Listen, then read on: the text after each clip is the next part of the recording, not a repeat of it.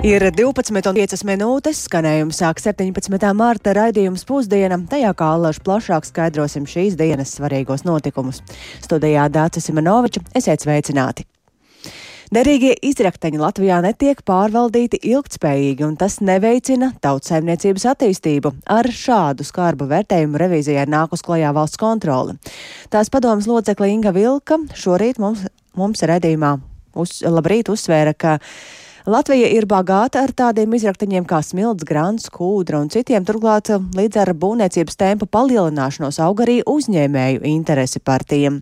Līdz ar to par ilgtspējīgu pārvaldību ir vēl jau vairāk svarīgi domāt, bet ar to nesokas labi. Kāpēc to vilku skaidroja kolēģei Dairai Zīlei? Viens saistīts ar šo nākotnes redzējumu trūkumu. Vienīgais izņēmums ir kūdra, par ko ir izstrādāta tās iegūst stratēģija valstī, bet par pārējiem derīgiem izrakteņiem nav. Un jāsaka tā, ka ja vēl 2016. gadā tāda apņemšanās ir bijusi, tad iepriekšējos gados politiķu dienas kārtībā vairs nav bijis tātad veidot šādu nākotnes skatījumu. Un piedāvājums attiecībā uz stratēģiju jāmin arī ir aprits ekonomikas ieviešana ieviešanas kontekstā, jo no vienas puses mēs daudz runājam, ka ir nepieciešama otrreizējo izēvielu izmantošana, bet nav nekādu stimulu kaut kādā veidā stimulēt šo iepriekš izmantoto materiālu izmantošanu, lai aizstātu dažādus derīgos izrakteņus. Tā otra lielā problēma ir tiešām pilnīgas kvalitatīvas un arī saulēcīgas informācijas trūkums. Tas liedz gan plānveidīgi plānot un apzināt jaunus derīgos izrakteņus, gan arī iegūt. Šī ģeoloģijas informācijas sistēma patiesībā ir tāds ļoti komplicēts informācijas kopums, un tā digitalizācija notiek ļoti, ļoti gausi. Arī sākotnēji bija plānot, ka 2020. gadā būs digitalizēta jau 90% informācijas, bet faktā ir tikai 10%. Līdz ar to mēs redzam, ka šīs informācijas trūks, trūks aktualizēšana, un piedāvām arī netiek veikta pietiekama analīze. Un tālāk jau tas rezultējas nepietiekami efektīvā uzraudzībā pār derīgo izrakteņu iegūju, jo tad mēs redzam, ka netiek, teiksim, novērtēti tie riski un pārbaudes, kas tiek veikts, nevienmēr ir tās efektīvākās. Ne tajās vietās, kur jau būtu šie nu, nosacīti sarkanie karodziņi, ka kaut kas nav kārtībā. Kādi ir riski, ja šo jomu mēs nesakārtojam? Ja mēs šo jomu nesakārtojam, tad arī tas ir risks, ka tiek neatļautos apmēros iegūti šie derīgie izrakteņi. Tas rada risku arī ēnu ekonomikas palielināšanai, tas rada risku pēc tam jau šai vides degradācijai, attiecīgi arī risks negūtiem valsts budžeta ieņēmumiem, tas attiecīgi dabas resursu nodokļa veidā. Līdz ar to mēs revīzijā ieteicām metodus, kas efektīvāk ļautu uzraudzīt. Un vēl viena lieta, kam mēs arī pievērsām uzmanību un tātad attiecīgi uz ko vērst mūsu ieteikumi, tas ir par derīgo izraktiņu ieguvus vietu rekultivāciju, jeb sakārtošanu pēc tam, kad šī ieguva ir beigusies. Šeit mēs redzam, ka jautājums arī ir atstāts novārtā. Piemēram, mēs konstatējām 254 derīgo izrakteņu vietas, kur vairs nedrīkst iegūt derīgos izrakteņus, bet tās nav rekultivētas, pie tam 140 no tām tādas, kur jau desmit gadus nedrīkst iegūt. Un tas nozīmē, ka tā ir degradēta, pat varbūt dažos gadījumos bīstama vide. Tas gulstās uz īpašnieku pleciem, kas lielā daļā gadījumu ir valsts. Līdz ar to tie atkal ir milzīgi līdzekļi, kas ar katru gadu, ja tā laicīgi netiek sakārtots, mm. pieaug. Tālāk valsts kontrolas padomas locekli Inga Vilka, un tātad galvenās iebildes nav stratēģijas, nav pilnīgas informācijas par izrakteņiem, un līdz ar to arī nav atbilstošu pārbaužu, turklāt arī pilnvērtīgi nedomājam par rekultivāciju. Man telefons sarunā šobrīd pievienojas vides aizsardzības un reģionālās attīstības ministrijas vides aizsardzības departamenta direktora Rudīta Vesere. Labdien! Labdien! Vai pārsteigums par šādiem rezultātiem? Uh, būtībā mm, mēs no ministrijas puses noteikti izsakām lielu paldies valsts kontrolē par šo te visu visaptarošo novērtējumu un revīzijas rezultātiem taisn šai Latvijas zemes dzīļu pārvaldības jomā. Jo mūsu ieskatā, nu, daudz lietas, jā, protams, mēs viņas zinām un arī mēs par viņām runājam ar valsts kontroli un rezultātu revīzijas ieteikumu noteikti mums palīdzēs attīstīt un pilnveidot zemes dziļu tieši pārvaldības sistēmu Latvijā. Respektīvi, tas tikai apstiprina to, ka ministrijas jau uzsākti uzlabojumi tajā jomā ir nepieciešami un liederīgi un virzām tālāk uz priekšu un attīstam tālāk uz priekšu.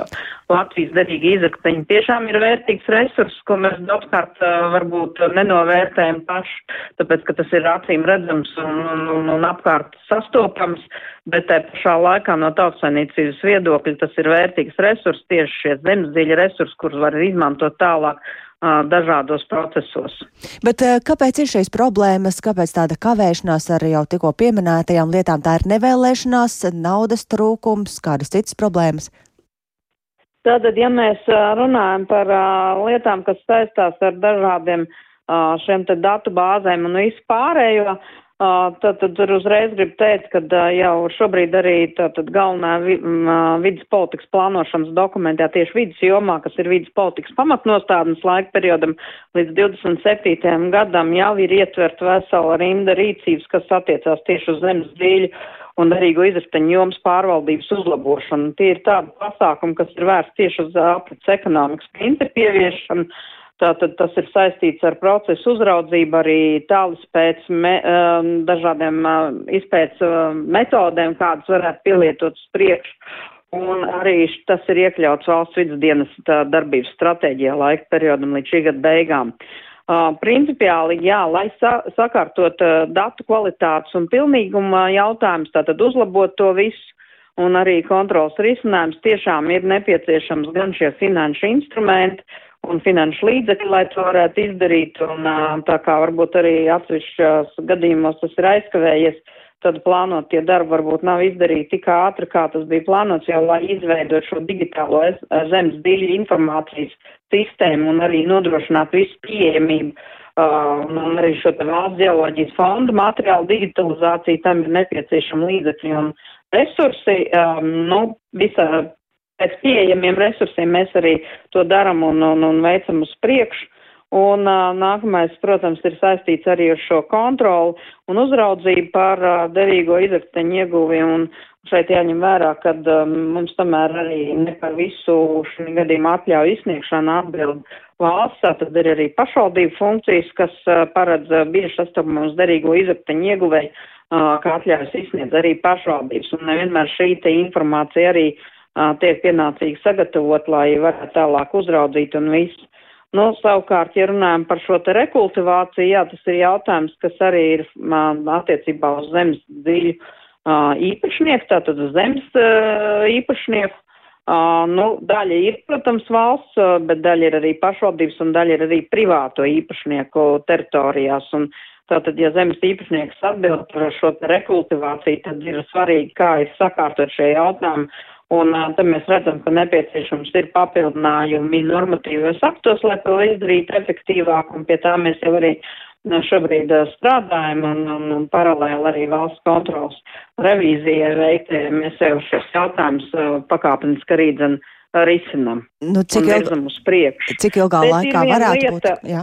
jā, te ir jāņem vērā vēl viena lieta, ka ja mēs runājam tieši par šiem aspektiem, kas saistās uh, ar šo zemes dziļu izpēti, par ko tiek arī virzīts no pārmetumiem, tad šeit ir jāņem vērā, ka mums zemes dziļu resursi līdz pat zemes kodolam piedara zemes īpašniekam. Tāda, nu, tāda, tāds normatīvais regulējums Eiropā nav raksturīgs un nav nevienā valstī. Uh, un tas diezgan bieži arī apgrūtina, teiksim, tālāko izpēti un, un, un resursu novērtējumu, lai saprastu, kas mums ir līdz galam un kāpēc arī varbūt šie pētījumi ir kavējušies.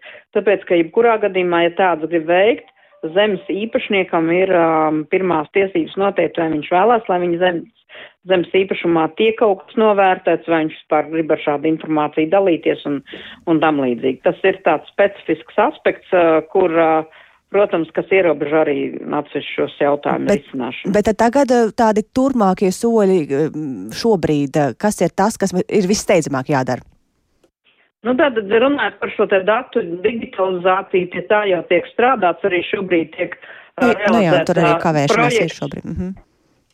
Projekts ir uzsākts un, un, un uh, resursu, iespējamo resursu robežās arī viņš tiks virzīts un, un, un, un maksimāli arī tik varēsim, tik izdarīsim uh, maksimāli ātri, tātad to arī realizē uh, Latvijas vidus geoloģijas uh, meteoroloģijas centrs. Nu, un attiecīgi arī, kā jau minēja, valsts vidus dienestam ir uh, skaidra vīzija, kādā veidā uzlabot taisnu pārbaudas, kā kontrols, um, plānošanu un, un veikšanu uzlabot. Tā kā pie tā arī atbilstoši tiks strādāts tieši ņemot vērā riskus, izvērtēt riskus un arī tādā veidā plānot visus šos darbus.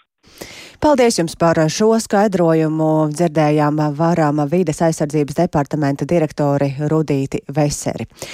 Un mēs turpinām ar eh, citu tematu. Latvijā jaunajos elektrovilcienos pasažierus plāno sākt pārvadāt pusgada laikā. Līdz tam speciālisti šos dzelteni palēkos sastāvus regulāri pārbauda un arī veic izmēģinājumu braucienus un ņemot vērā ģeopolitisko situāciju no ražotāja valsts Čehijas tos eh, piegādāt esot sarežģītāk. No šogad plānotajiem tādēļ 23 eh, vilcienu sastāviem tagad ir piegādāti vien astoņi.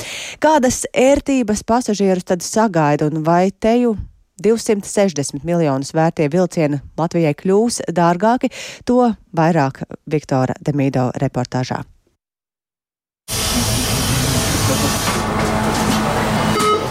Īsi pirms kārtējā izmēģinājuma brauciena uz aizkraukli vietējie speciālisti kopā ar pārstāvjiem no Čehijas pārbauda jaunā elektrovilciena vilci, bremzes un drošības sistēmas.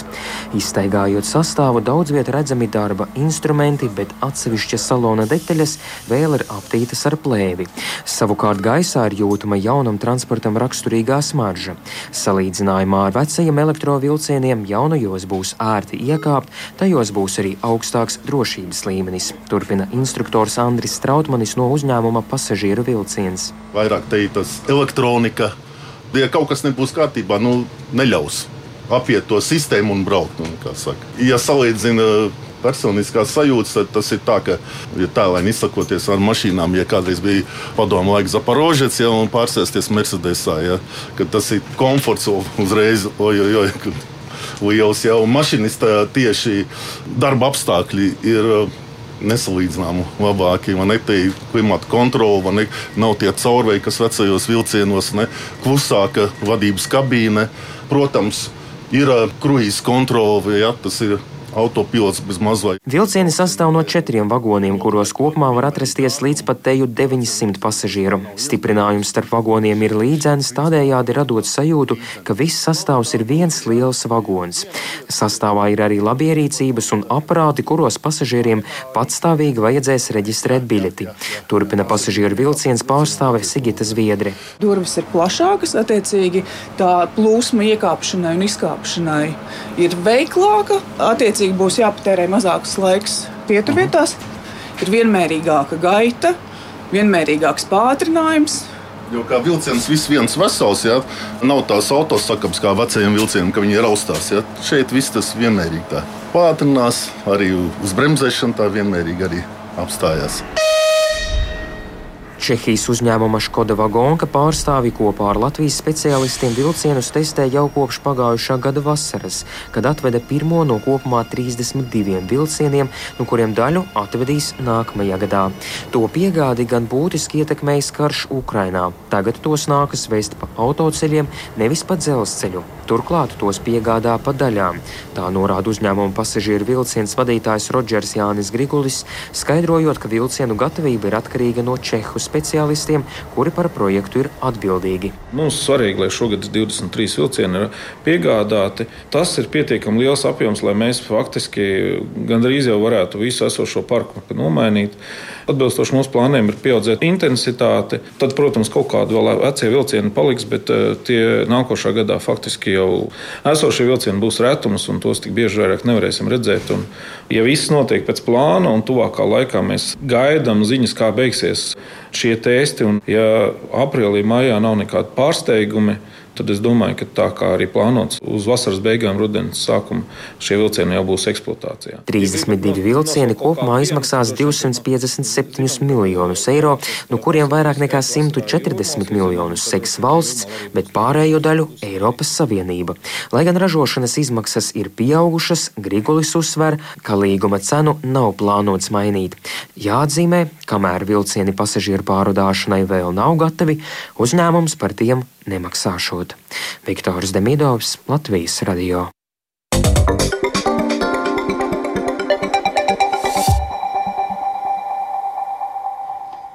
Protestētāji Francijā šodien ir bloķējuši svarīgu apvedceļu pie Parīzes un pastiprinājuši streikus naftas pārstrādes rūpnīcās tādējādi arī paužot neapmierinātību ar valdības lēmumu īstenot prezidenta Emanuela Makrona virzīto pensiju reformu bez apstiprināšanas parlamenta apakšpalātā.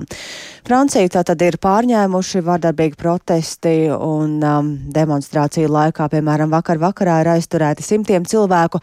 Francijas valdība apgalvo, ka ir rīkojusies valsts interesēs, bet opozīcija apsūdz valdību nedemokrātiskā rīcībā un mēģinās panākt neusticības izteikšanu premjerministrei Elizabetei Bornei. Turpina Uldis Česberis.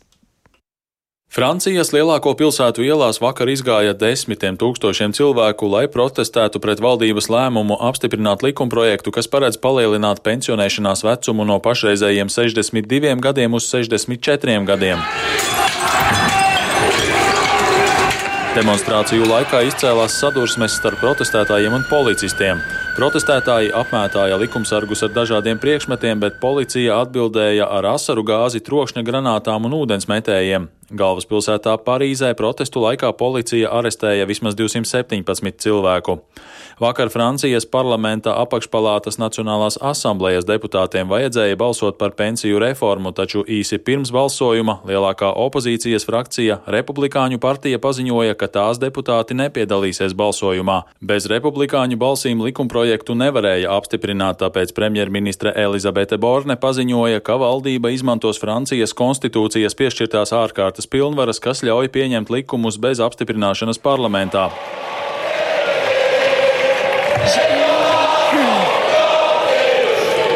Tās izraisīja sašutumu opozīcijas deputātos, kuri Bornes uzstāšanās laikā skaļi ūjināja un dziedāja Marseljēzu. Tikmēr ielās izgāja cilvēki, lai protestētu pret to, ka valdība neļāva parlamentam balsot par pensiju reformu, ko saskaņā ar aptaujām neatbalsta vairāk nekā puse Francijas iedzīvotāju. Kāda Marseļā sastapta demonstrācijas dalībniece sacīja, ka viņa un citi cilvēki nav izgājuši ielās prieka pēc.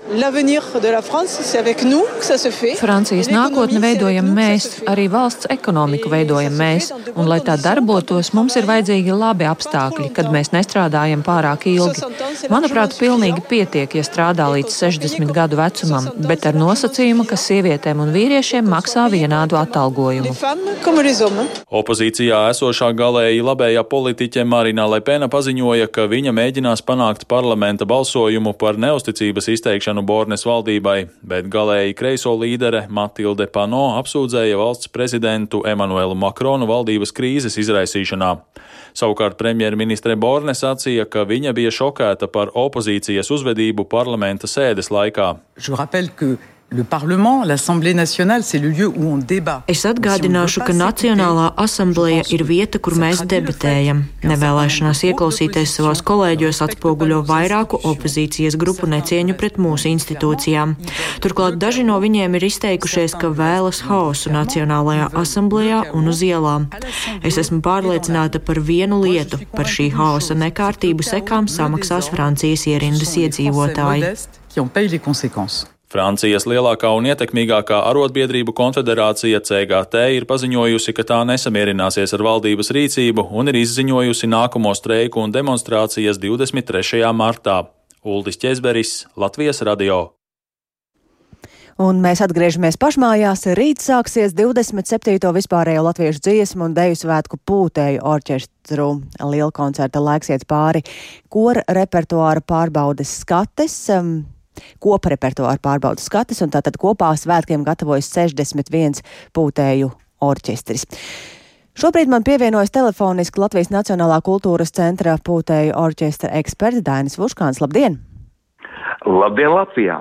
61 pūtāju orķestris. Salīdzinot ar citiem gadiem, kā jūs teiktu, tas ir daudz, maz, vai arī pandēmija ir ietekmējusi pūtēju orķestra rindas? Protams, pandēmija ir savu iespaidu atstājusi. Jā, aizvadītajos dziesmu svētkos mums uh, uh, skatēs piedalījās 65 pūtēju orķestri, tagad ir 61. Taču jāsaka, ka um, ir vēlme strādāt. Um, Un daudzi kolektīvi ir reorganizējušies, apvienojušies uh, kopā ar muzikas skolu pūtēju orķestriem, lai varētu turpināt aktīvi darboties jau šajos laikos. Ir muziķi, kas beiguši aktīvā muzika gaitas, taču nāk, nākuši klāt jauni um, censoņi, kuriem vēl varbūt pietrūkst tās pieredzes, tāpēc um, mēs esam pašais tādās lielās izmaiņās Taču um, nesam ļāvušies uh, kaut kādām grūtībām sevi apturēt, bet ejam uz priekšu un uh, gatavojamies uh, lielajam dziesmu svētku notikumam. Un kā šī gatavošanās notiek, to jau mēs rīt varēsim sākt redzēt, jo sākas skates. Cik tās ir būtiskas pašiem pūtēju orķestriem? Nu, skaidrs, ka jā, tajās pārliecināsies par to, kā ir apgūts repertuārs, bet vai tas nozīmē arī, ka kāds no šiem 61 kolektīvu var arī netikt līdz svētkiem? Man tāda iekšējā pārliecība, ka uh, visi varētu noteikti tikt. Uh, tāpēc, ka um, visos novados ir notikuši kopmēģinājumi un orķestri ir demonstrējuši labu gatavību uh, repertuāram, kurš ir izvēlēts dziesmu svētku pūtēju orķestru lielkoncertam laiks iet pāri. Tāpēc um, šāds uztraukums nav, taču, protams, kad uh, virsdiriģenti vienmēr vēlas labāk, vēl kvalitatīvāk, to latiņu pacelt vēl mazliet augstāk, un tas, protams, um, mūs priecē un iedvesmo. Darbs turpinās. Kas būs žūrijā, kādi nosacījumi ir arī pašiem kolektīviem, cik skaņdarba katram kolektīvam ir uh, jāizpilda? Skatē katrs pūtē orķestris atskaņos trīs kompozīcijas - obligātā repertāra skaņdarbu, izlozes repertuāru skaņdarbu un brīvas izvēles skaņdarbu no 27. vispārējā latviešu dziesmu un 17. dēļu svētku pultēju orķestru lielkoncertu laiks iet pāri repertuāra. Un orķestra sniegumu vērtēs pieci žūrijas eksperti, un tā vērtēšana būs šoreiz um, tāda ļoti um, uh, skrupuloza, kad augstākais un zemākais vērtējums um, katram orķestrim tiks svītrots, un no pārējiem trījiem vidējiem vērtējumiem tiks izvilkta vidējā atzīme. Jā, nu tāds kā eksāmens orķestriem, bet uh, skates var redzēt arī interesanti. Līdz ar to, kur tās notiks un kad tās notiks, tāda tīri praktiska informācija. Jā, tātad jau rīt 18. martā 10. no rīta Ropožu novada kultūras centrā Ulbrakas pērle. Tātad skatēs piedalīsies Rīgas un Pierīgas kolektīvi. 26. martā pulksnes desmitos um, skates turpināsies Jelgavas 4. vidusskolas koncertu zālē, kurā redzēsim un dzirdēsim orķestrus no Kurzemes un Zemgales. Vidzemes kolektīvs Kopā pulcināsim 1. aprīlī 19.30 Valmieras kultūras centra zālē un skates noslēgsim 15. aprīlī 2011. Ludas kultūras namā, kurā pulcēsies Latgales pūtēju orķestri. Jā, tā tad iespēja ikvienam doties un būt tuvāk svētkiem un pavisam īsi par pašu orķestra lielkoncertu, Kas tajā šajā gadā būs pats galvenais un tāds akcents? Jā, pirmo reizi Pūtē orķestra lielkoncerts laiks iet pāri notiks jaunā vietā, kurā Pūtē orķestri nekad nav spēlējuši. Tā ir Vonders sala, um, vairāk zinām kā Andrei salas uh, vieta, kurā ir uzcelta Tātad patstāvīga skatuve, notiek um, dažādi estrādes koncerti kopš pagājušā gada, un pirmo reizi šajā šo jauno teritoriju apgūs arī mūsu pūtēju orķestri. Jā. Nu, tas arī noteikti lielais vasaras notikums gan pūtēju orķestriem, gan arī skatītājiem, bet rīt skates sākas un iespējas tās baudīt, piemēram, Ulbruks pērlē. Un ar to arī skan redzījums pusdiena, ko veidoja producenti Ilza Agīnta, ierakstus montēja Kaspars Groskovs par labskaņu rūpējās Rīta Karneča un ar jums sarunājās Dācis Simonoviča. Yeah.